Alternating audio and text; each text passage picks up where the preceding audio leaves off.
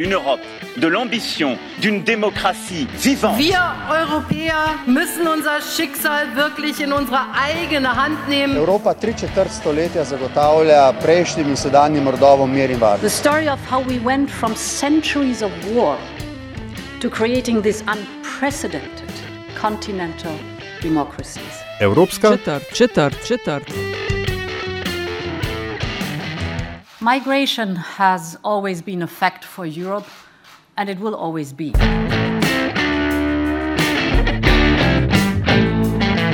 Spoštovane in cenjeni, dobrodošli v podkastu Evropska četrt, podcast o vsem, kar vas bo zanimalo o Evropski uniji, pa niste vedeli, koga vprašati. Evropsko četrt pa vodi vam Nataša Briški in Aljaš Penkov Pitenc, podcast domuje na spletni postaji metinelista.si, eh, še enkrat. Aljaš Penkov Pitenc, podcast domuje na spletni postaji metinelista.si, v vašem nabiralniku pa sveža epizoda takoj, ko je na voljo. Aljaš, do zanimivo temo imamo na sporedu in sicer se mi zdi, da se o tem, o čemer bova s tokratno gostjo govorila, veliko govori o odnosu Evropske unije do azilne politike. Ki jo različne države malo različno razumejo, gre za neke vrste, um, ne bom rekla ravno kolebanje, ampak odločanje med solidarnostjo in kaj država ja in kaj država ne. In uh, kje trenutno stojijo stvari, nam bo pomagala pojasniti tokratna gostja. Ja, Nataša in uh, najno tokrat, najno tokratno gostjo sva, da tako rečem, zaznala na nedavnem uh, spletnem dogodku. Uh, Ki se ukvarja ravno s to temo, o načinih integracije in uh, dojemanja realnosti uh, migracijskih politik. In uh, zato prav toplo v najnem podkastu pozdravljam doktorico Funda Tekin, direktorico Berlinskega inštituta za evropske politike. Uh, doktorin uh, Funda Tekin, viele Grüße zum unserem Podcast. Ja, hallo allerseits. Thank you for having me. I'm sorry, that is about the extent of my broken German, so I hope you will forgive me and we'll continue this com the conversation in English. Yeah, naturally. So uh, thank you for having me. Great. Uh, could you, for, for a start, uh, just introduce yourself a little bit and the institute uh, that you work for? Yes, sure, I can do that. Um, my name is uh, Funda Tekin, and I'm one of the two directors at Institut für Europäische Politik in Berlin.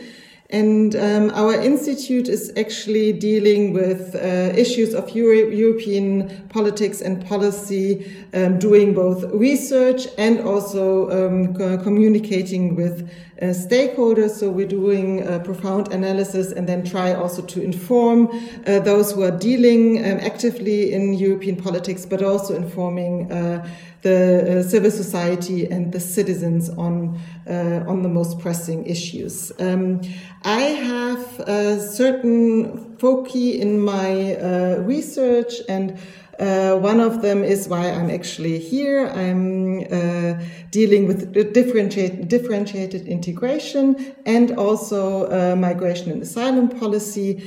And currently, I'm involved in one uh, large scale um, project on differentiated integration, which is called EU IDEA, which is funded um, under the Horizon 2020 uh, framework by the European Commission. Uh, now, the trigger for um, your appearing on the uh, European Quarter podcast was the recent town hall meeting on this particular topic, on differentiated integration and, and migration. And with the, in the age of the plague of the coronavirus, the other crisis of the European uh, Union the migration crisis, quote unquote, has sort of faded into the background. And yet, now, as the coronavirus is uh, hopefully abating, uh, all these questions that continue to be unresolved since the great migration crisis of 2015 are again creeping, uh, creeping to the forefront. What is the state of play in the area right now?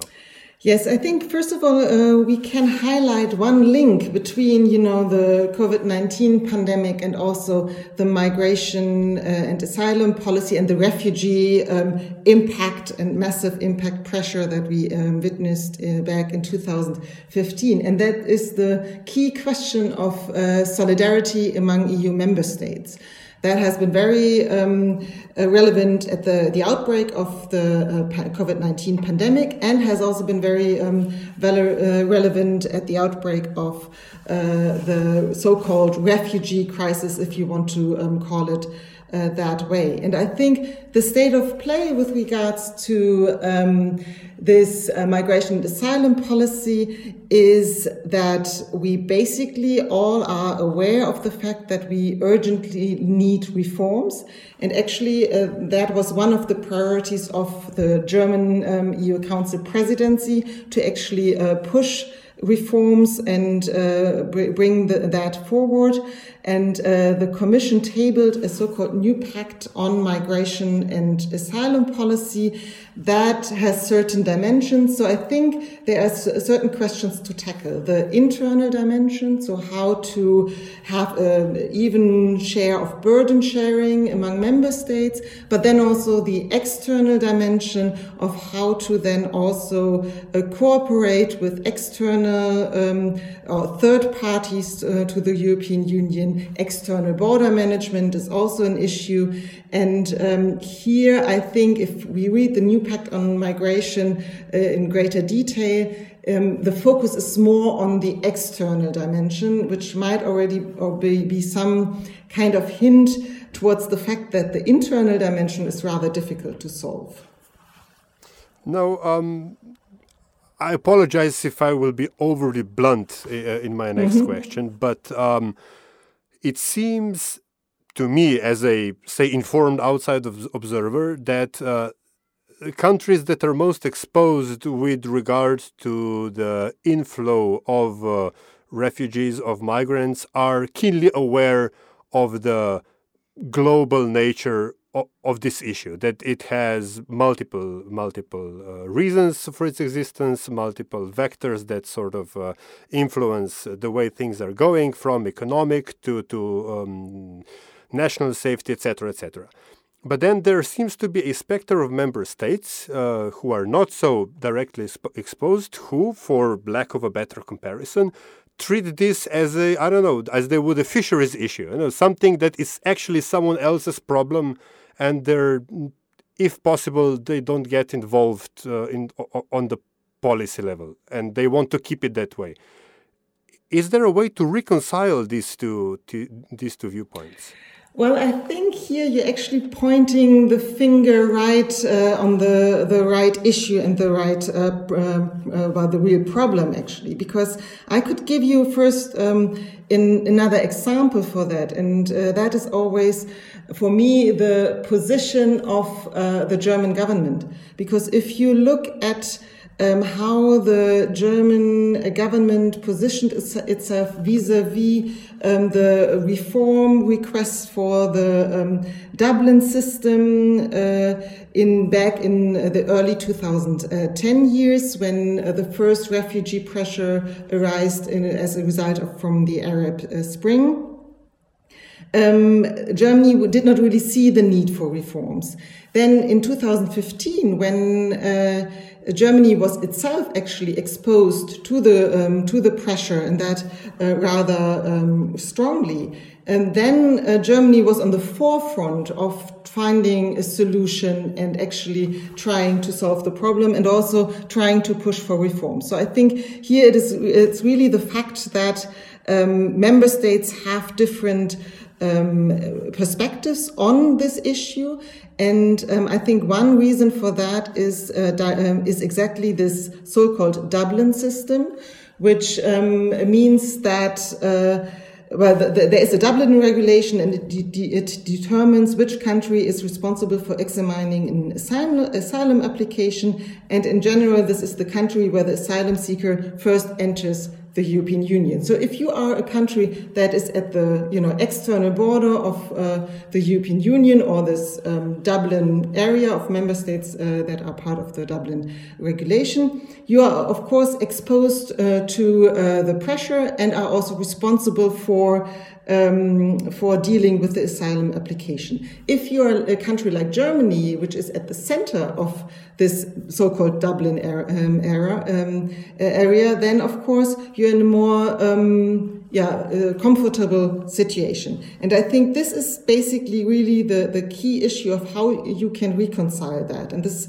this was your, your question. So sorry for having taken a bit long to get back to your question. But I think there is, well, first of all, I think you could try to, of course, have a one size fits all solution and try to get everyone on board.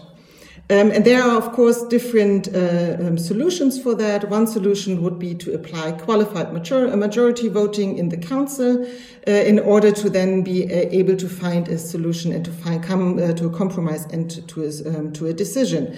But in 2015, there were uh, two um, decisions taken in the Council on the uh, relocation of um, asylum seekers from Italy and Greece to other member states. That was taken in qualified majority voting, and then uh, those member states that were outvoted did not play by the rules, and Hungary even went to the um, Court of Justice.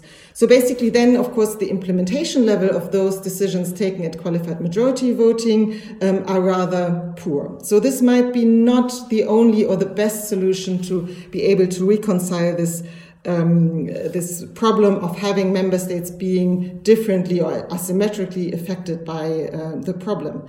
Then there was this notion of flexible um, solidarity, um, that was first coined also by the Visegrad countries, uh, and that hinted at or demanded that you know not all member states should be uh, um, well should be demanded to then take in refugees, but could basically uh, try to um, show their solidarity in different ways. And I think this is this flexible, differentiated approach, which I think might be worthwhile because um, only having a group of member states being willing to deal with uh, this common problem um, alone would not really be uh, an optimal solution. I mean, meaning allowing member states to opt out of uh, common actions and not participating is simply uh, not um, the uh, possible solution because it allows free riding. So, you know, um, certain member states deal with the problem alone and other member states don't have to contribute.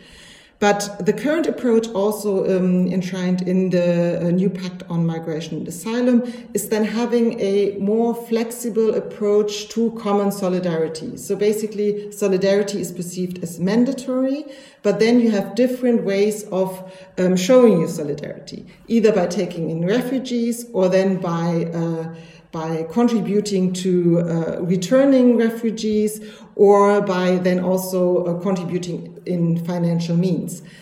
We could discuss and maybe also argue about the details of how this flexible solidarity is, is structured, but I think this is at least an approach that kind of allows for differentiation, flexibility within a common uh, transnational problem uh, where all member states have different opinions on.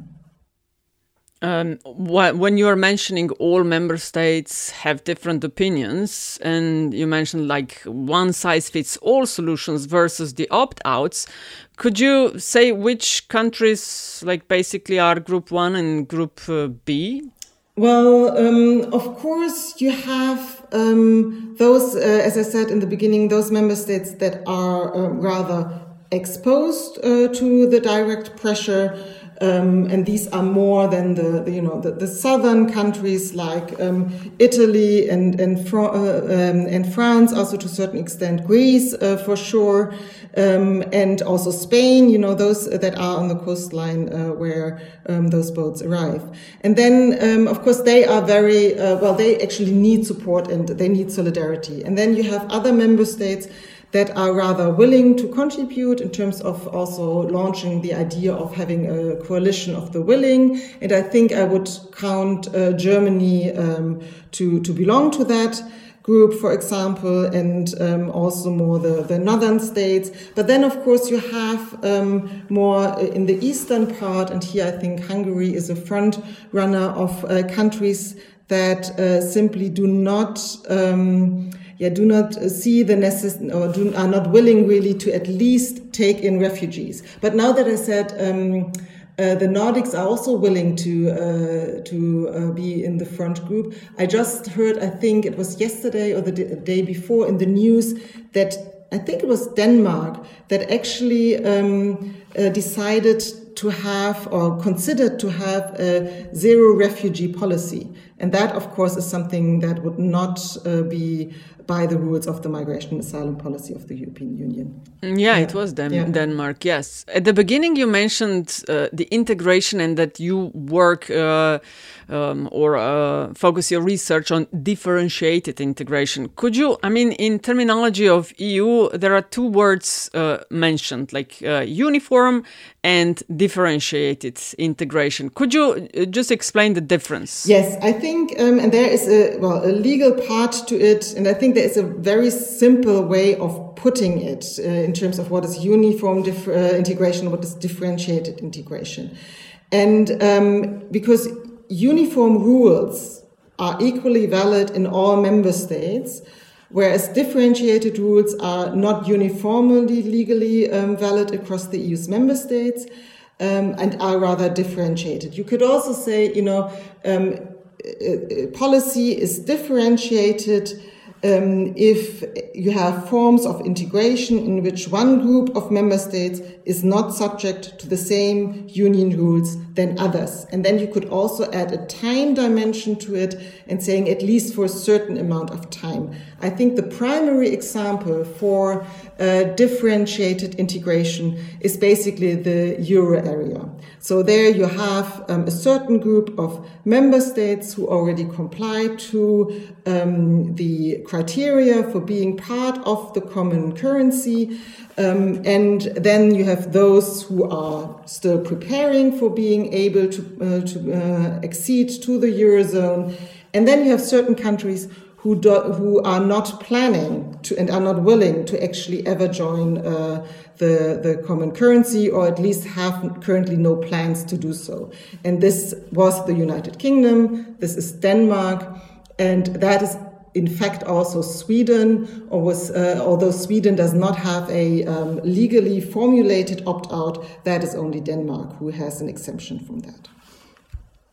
Um, you mentioned before the um, internal dynamics that are at play in uh, crafting uh, the next the the, the migration pact, if you will, uh, and I wonder. Um, I mean, of of course, to some extent, Europe has uh, in addition to all the outside ailments from the coronavirus, from whatever, has also suffered from the populist wave, mostly by uh, right wing populists, which has, of course, sort of um, emboldened uh, opposition to any sort of uh, shifting uh, solidarity principles uh, to, towards the Dublin system.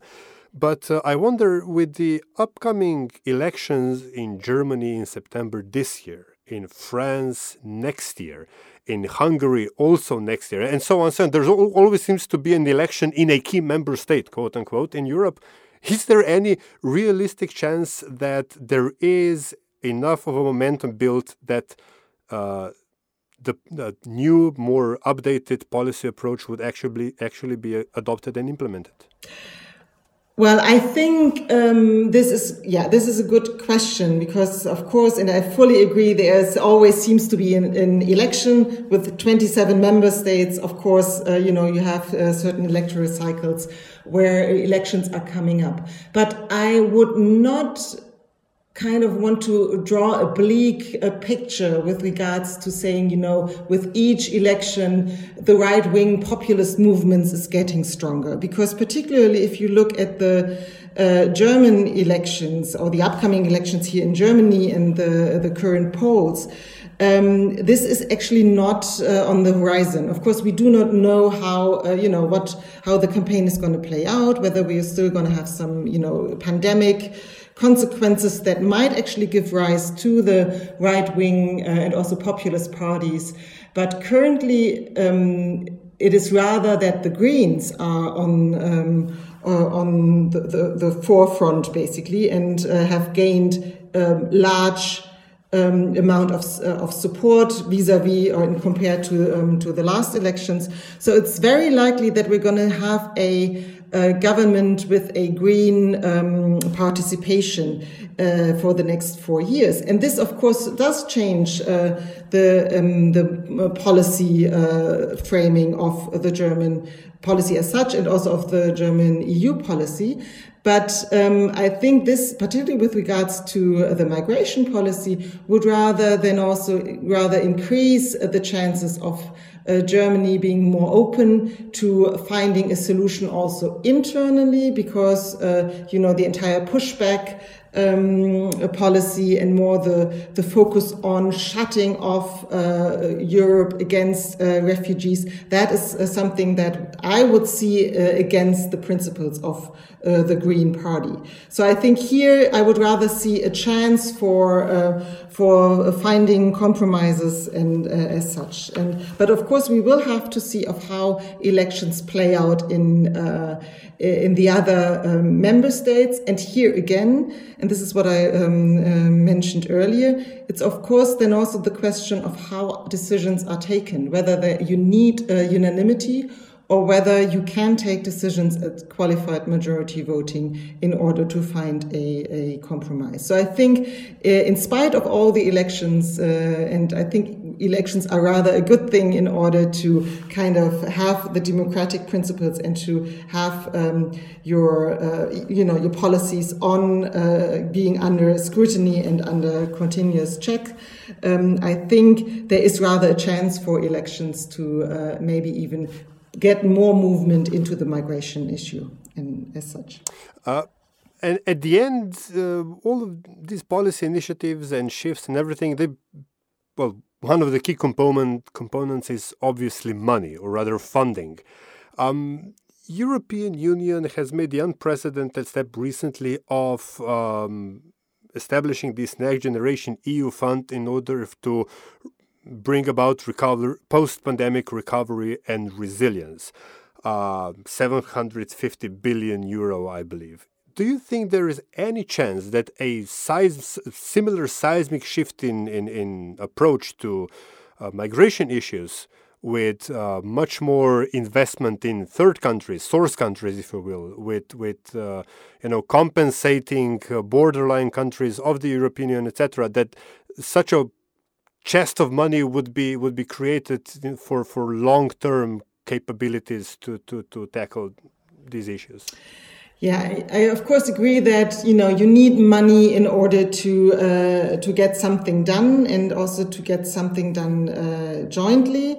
Um, I well, I think I mean I it's for me it's very difficult to predict whether you know it's likely that um, such a um, you know historic decision is going to be repeated, but.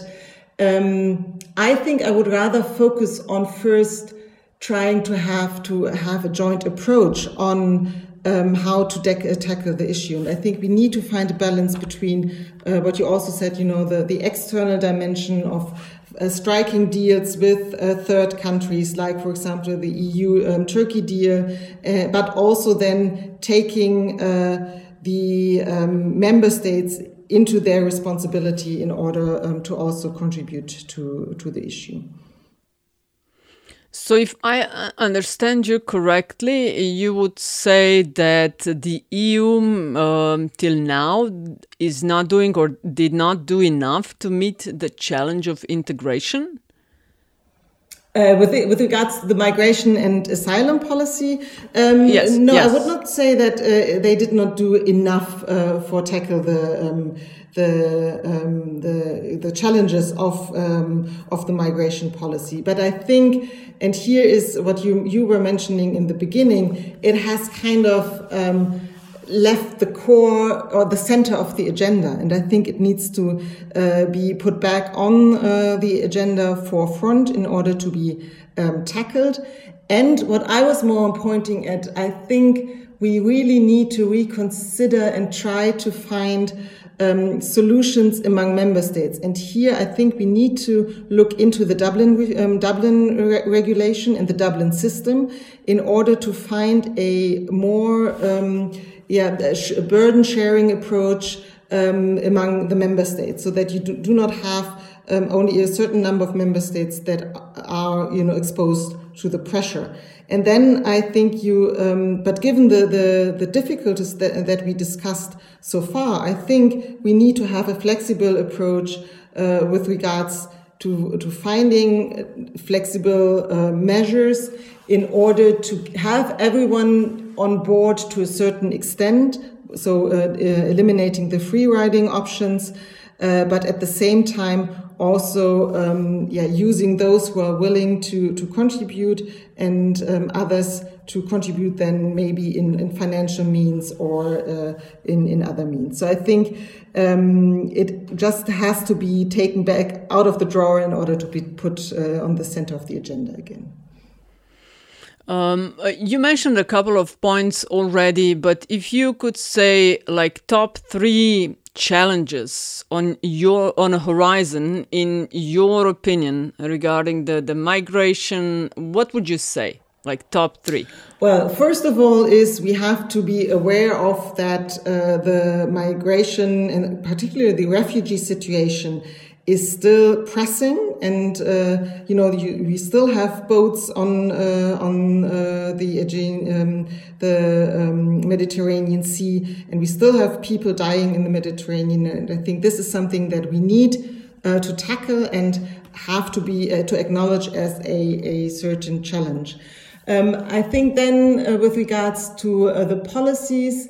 Um, the main challenge then basically is to strike a perfect package deal uh, among those member states who are exposed to the pressure and those who are uh, lesser approached to the to the um, to the pressure and really find a, an internal solution uh, to uh, be then have a um, yeah a, a, solidarity approach to the asylum and migration policy and third I think we have to then also find um, um, yeah find ways of cooperation with third countries um, that then are also not undermining um, other, um, well, the relationship with that country to the European Union um, over um, in general. And this here I'm referring to the EU-Turkey deal, which is called the EU-Turkey deal, uh, that of course was necessary at the time and is also something that I think should be prolonged uh, because it was helpful. Uh, but of course, it also then had effects on the EU-Turkey relationship and how to move forward um, in that uh, area. And I think this is also something to, to consider. Mm. One more question. Slovenia is assuming uh, EU presidency in a couple of weeks. Um, what are your expectations in that regard uh, on the topic that we discussed today?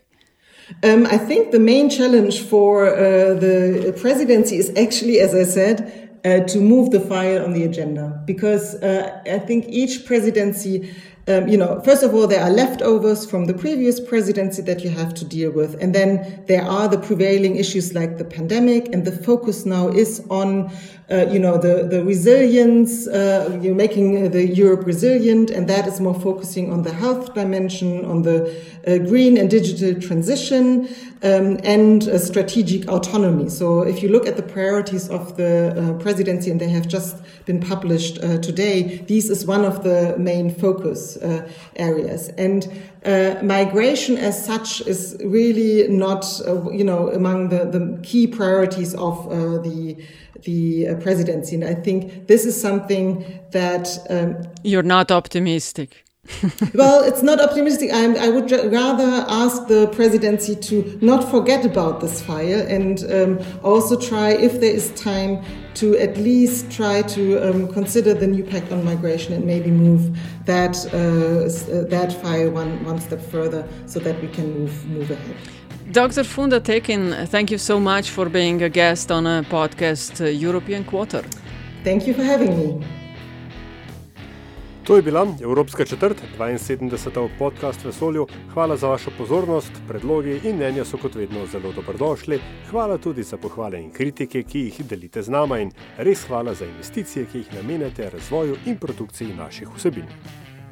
Avtor glasbene podlage je peli iz podcasta Upravičujemo se za vse nevšečnosti in če vam je vsebina všeč, bo pomagalo, da nas najde še kdo, če naj jo ocenite pri vašem izbranem podcast ponudniku. Sicer pa hvala za vašo družbo in se spet slišimo k malu.